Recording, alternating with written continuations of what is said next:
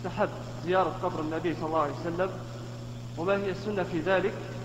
وهل فعل عبد الله بن عمر اجتهاد منه أو هو مبني على السنة؟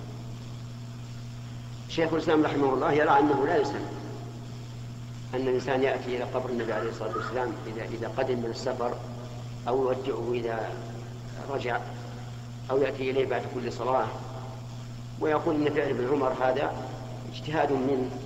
ولم يفعله الصحابة رضي الله عنهم. لكن نحن نقول آه، نتخذ مسلك الوسط نقول أما كثرة زيارتي وأنت في المدينة فهي غلط. ولا شك أنها إلى البدعة أقرب منها إلى السلام. وأما إذا قدمت وذهبت إلى قبره تزوره فإنه لا يدخل بعموم قوله آه، زوروا قبور.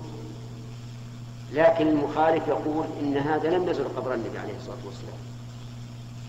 لأن قبر النبي محجوب بثلاثة بثلاثة جدران. فهو وإن ذهب ووقف عنده لم يكن زائرا له. فيكون هذا العمل عبثا. ما أنا أرى والذي أنا أفعله إن, أن نذهب ونسلم عليه ونصلي عليه عند القدوم وعند الرجوع من السفر. وأما أن كل مرة نصلي نذهب ونسلم عليه فهذا إلى البدعة أقرب منه إلى السلام. وهو إلى السنة إلى السلام. لأنه يخشى أن يكون هذا الرجل مبتدعا لأنه لم يكن من عدل السلف الصالح.